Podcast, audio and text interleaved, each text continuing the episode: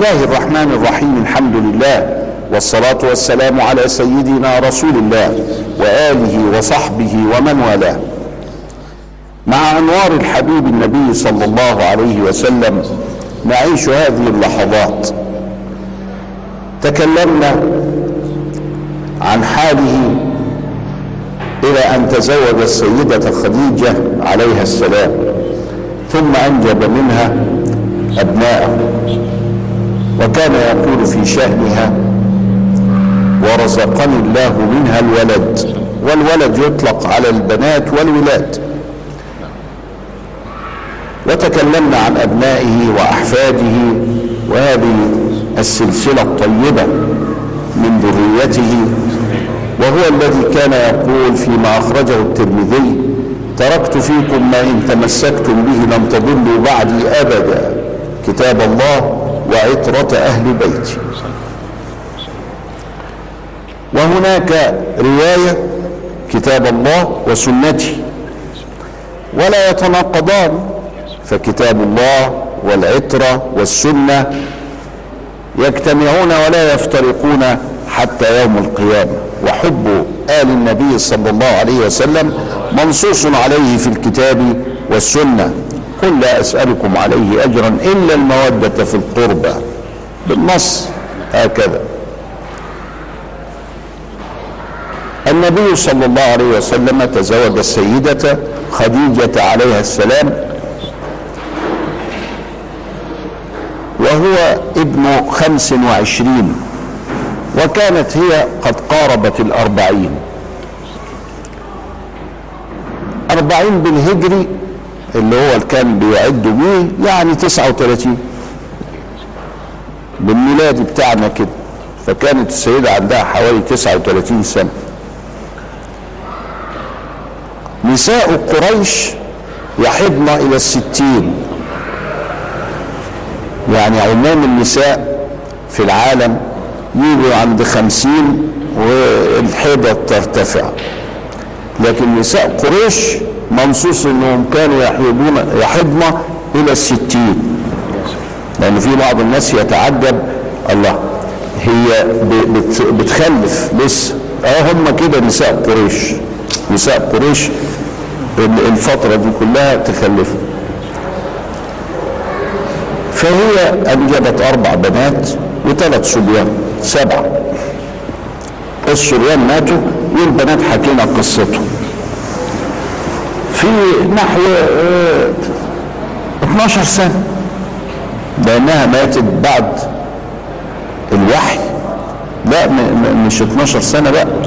ده هي من سن 25 ل 40 دي سيدنا النبي كان يعمل بالتجارة. وبعد كده 13 سنة هي 12 ماتت في عام الحزن قبل الهجرة بحاجة بتاع سنة وشوية.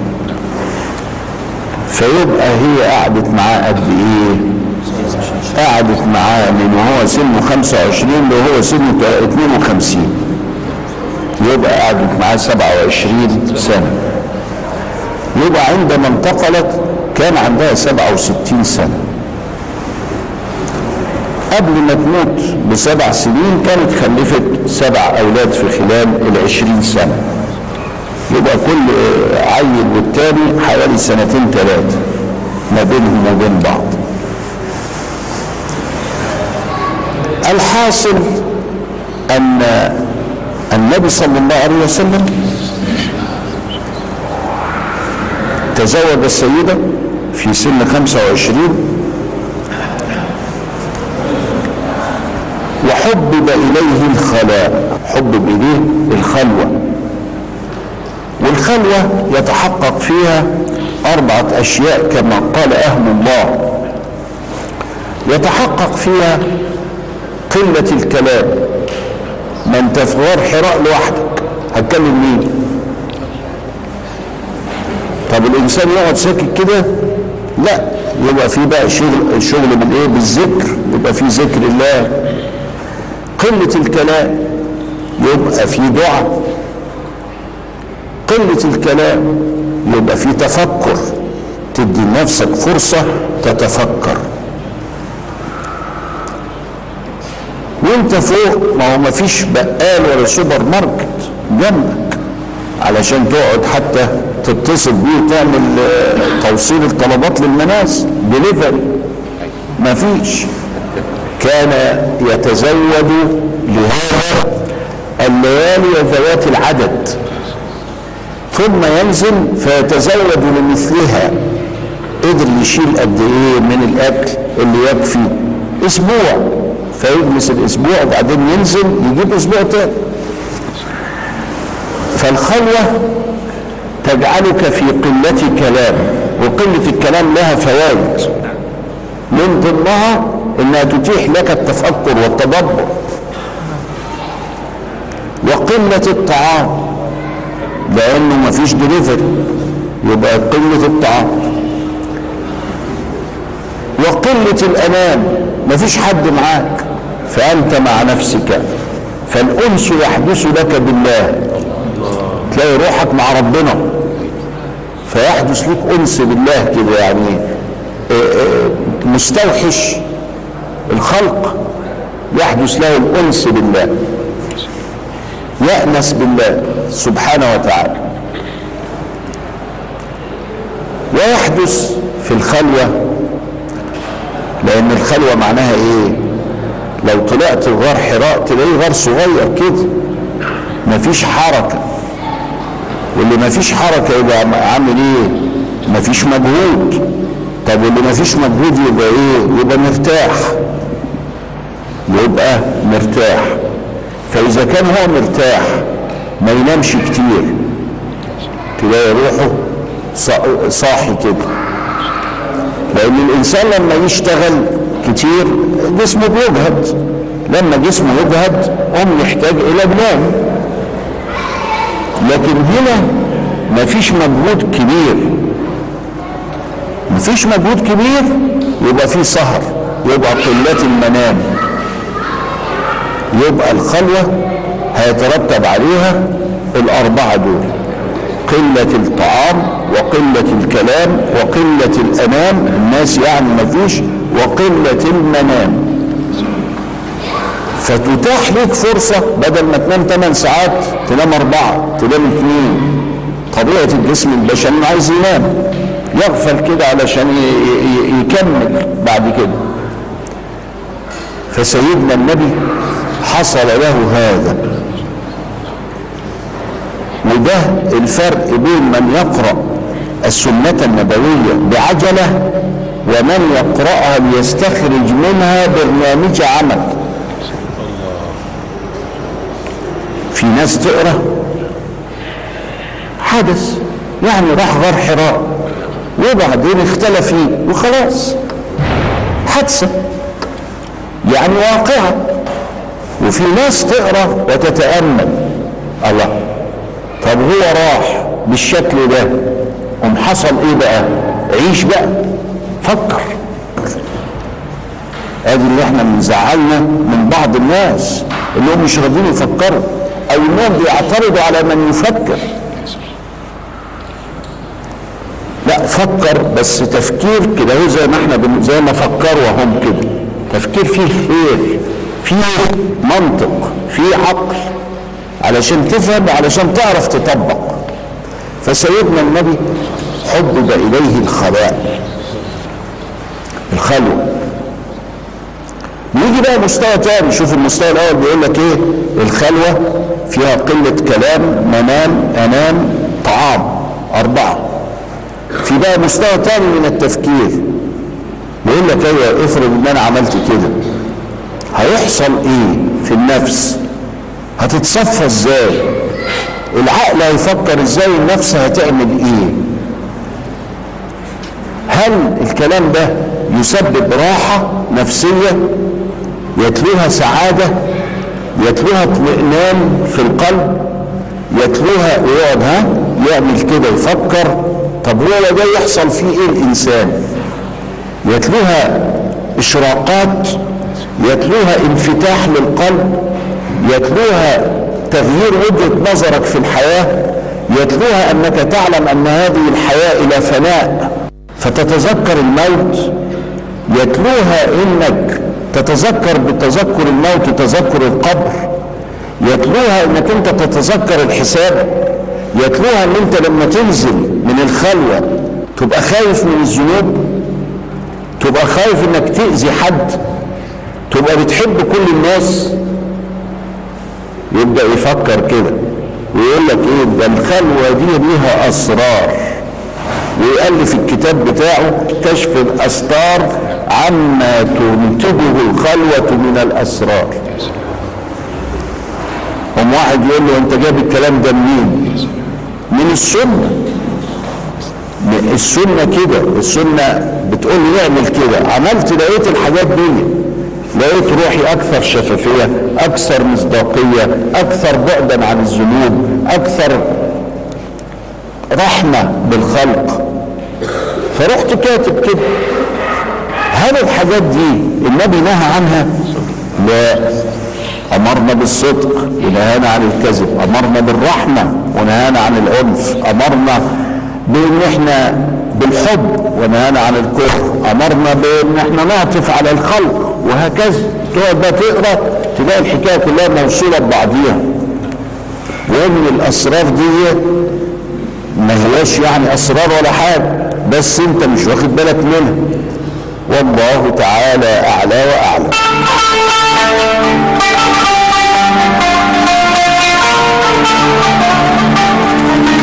بسم الله الرحمن الرحيم الحمد لله والصلاة والسلام على سيدنا رسول الله. لما حبب الخلاء لرسول الله صلى الله عليه وسلم بدأت هناك ما تسمى عند علماء السيرة بالإرهاصات. إرهاصات. إرهاصات معناها يعني الأشياء المقدمات التمهيدات اللي هي بتحصل الأول فيحصل بعديها شيء آخر. الإرهاصات. هنا بيقول الإرهاصات التوقعات. لا. لأنها بتحصل فتدل على ما بعدها مش بتستنبط مما قبلها. يعني التوقعات أعملها النهارده علشان بكرة. لكن دي دي بتحصل النهارده عشان بكرة. يعني عكس التوقعات الإرهاصات. الإرهاصات معناها الممهدات البشاير. الله حصل كذا يبقى يحصل كذا. في إرهاصات دلائل مبشرات. فمن هذه الإرهاصات هو برضو الإرهاصات لها غرض آخر وهي إعداد سيدنا النبي لتلقي الوحي. فهو ماشي يسمع حجر بيسلم عليه. السلام عليك يا محمد. سمعها بس ده حجر مش معتاد. أيوه ما هو بيحضروا بيعدوا. لأنه النبوة جامدة قوي هيسمع حاجات وهيوحى إليه بحاجات وه... وهتنكشف له أشياء. في عملية صعبة قوي فبقى إني لأعلم حجرا بمكة. كان يلقي علي السلام. عارفه؟ الحجر اللي هو فلاني ده. وبدأ قبل الوحي بست شهور كل يوم على الله يشوف رؤية تحصل تاني يوم. إيه الرؤية اللي كان بيشوفها اليوم كله؟ يعني أنت نايم امبارح وبعدين شفت إنه هيحصل كيت وكيت وكيت وكيت يوم الجمعة. فصحيت يوم الجمعة فلقيت اللي أنت شفته امبارح برنامج كله موجود هنا. لغاية ما نمت. نمت يوم الجمعة ليلة السبت شفت في الرؤية اللي شفت اللي هيحصل يوم السبت. تشوف يوم السبت بالليل اللي هيحصل يوم الحد. تشوف يوم الحد بالليل اللي هيحصل يوم الاثنين. فلم يرى رؤيا إلا جاءت كفلق الصبح. طلبة كانوا يسألونا إحنا سألنا مشايخنا قلنا لهم هو كان بيشوف إيه؟ إيه الرؤى؟ مفيش خمس ست رؤى كده مثال. قال لا مش واخد بالك. مش رؤى هي إن حاجة يعني رؤية نحكيها. ده اللي حصل. ست شهور. ست شهور. ده إيه بقى؟ ده عاوز يعني يربي سيدنا النبي على إن هو يعرف إن في غيب وإن هو هيعرف الغيب في غيب وإن هو هيعرف الغيب عشان ما يتخضش. لأنك لو أنت شفت الغيب هتتخض. لو بس واحد مننا يعرف هو هيموت إمتى. حياته كلها تتلخبط. حتى لو قلنا له هتموت كمان 90 سنة برضه هتتلخبط برضه. وهو عارف إنه هيموت. فما بالك بقى لو عرفت بالتفصيل إيه اللي هيحصل بكرة؟ ولكن برضه دي منام ما هوش وحي يعني. ها؟ وما هوش يعني إيه؟ لكن النبي عليه السلام راح قال إيه بقى في الحتة دي؟ قال الرؤيا جزء من ست من ست وأربعين جزءا من النبوة. وبعدين إحنا فوجئنا والنبي عليه الصلاه والسلام قال الكلام ده مع صحابته إن دول ست شهور اللي كان شايف فيهم الرؤية ست شهور وإن هو مدة الوحي بتاعه 23 سنة. ست شهور يعني نص سنة على 23 تطلع واحد على 46 عليه الصلاة والسلام. دي اكتشفناها بعدين. فإحنا كل ما نكتشف حاجة كل ما بيزيد حبنا في الراجل ده عليه الصلاة والسلام. الكامل المكمل المجتبى المصطفى صلى الله عليه وسلم. الإنسان الكامل جزء من 46 جزء من النبوة. وان تطلع الست شهور هي جزء فعلا من من نبوته صلى الله عليه وسلم. فمن غير هو ما يطلع على متى يموت كذا إلى آخره. أو يكون ربنا شرح صدره بقى وقال الحاصل أنه كان يذهب إلى غار حراء في الخلاء العبادة تعبد كذا إلى آخره. وفيها الأربعة اللي إحنا قلنا عليهم والأسرار وانفتاح القلب والشفافية والمصداقية وكذا كان سيدنا النبي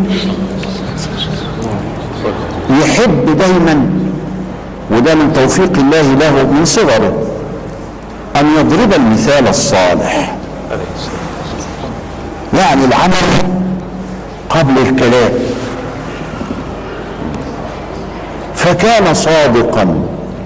عمره ما كذب وكان شهما عمره ما خان وكان أمينا. وكان معاهدا فلا يغدر. إلى آخره. كل الصفات الحلوة. حتى أمينه الناس. مرة بعد كده بقى أنا ماشي معاكم بالتسلسل بس إحنا لما بنقف لحاجة بنخلصها الأخيرة. مرة حب إنه هو يبلغ قريش بالرسالة فوقف عند الصفا يا بني عوف يا بني هاشم يا بني فلان يا بني علان جم حتى إن الذي لم يستطع أن يجيء أرسل مرسالا أرسل رسولا من عنده عشان نشوف عايز إيه ده. وكان من ضمنهم أبو لهب الذي يحاربه والذي كان يسير وراءه في كل مجلس ويقول لا تصدقوه فإنه كذاب. أو راح في داهية. المهم قال أي قريش إذا أخبرتكم أن وراء هذا الجبل جيش يأتيكم للغزو. أكنتم مصدقين؟ فقالوا نعم. فإنا لم نجرب عليك كذبا. عليه الصلاة والسلام. فأنا عايز بس إيه إخواننا الدعاة ياخدوا بالهم من الحتة دي. الحكاية مش بالمناقشات والجدالات وكذا. الحكاية بأنك افعل في نفسك ما أمرك الله به. بس. وسيب الناس تتفرج. فشوف لما بقى جه امره بالتبليغ لقى رصيد عنده قال مصدقي. قالوا ما ذهبنا عليك كذبا ده انت ما كذبتش ولا مرة. أيوه هنصدقك طبعا. فقال أدعوكم وأحجزكم عن النار. يعني بدعوكم أهو أنا بدعوكم أهو. اوعوا النار. فقال أبو لهب شتم زي هو ومراته. فمع السلام سكتوا خلاص ما. فنزل قوله تعالى فاصدع بما تؤمر وأعرض عن المشركين. خلي خلينا نخلص بقى. هناك قال وأنذر عشيرتك الأقربين. فلما مضى هكذا في غار حراء في الأواخر بقى جت ست شهور بالحكاية دي اللي هو الرؤيا التي تأتي كفلق الصبح. ثم جاءه الملك اللي هو جبريل بوحي بقى بالقرآن وكان أول ما نزل اقرأ باسم ربك الذي خلق خلق الإنسان من علق اقرأ وربك الأكرم الذي علم بالقلم علم الإنسان ما لم يعلم. وهو يقول له اقرأ. هو مش واخد باله هو فاكر إنه بيقول له اقرأ دلوقتي يعني اقرأ خد حاجة تقراه قال له ما أنا بقارئ. قال له اقرأ ويغطه. فقال ما أنا بقارئ. اقرأ ويضغط عليه كده قال ما أنا بقارئ. وهنا جاءه الوحي وبدأه الوحي. بعد ذلك نجلس حتى نعرف يعني ما أنواع الوحي التي جاءت رسول الله. فإلى لقاء آخر أستودعكم الله. فالسلام عليكم ورحمة الله وبركاته.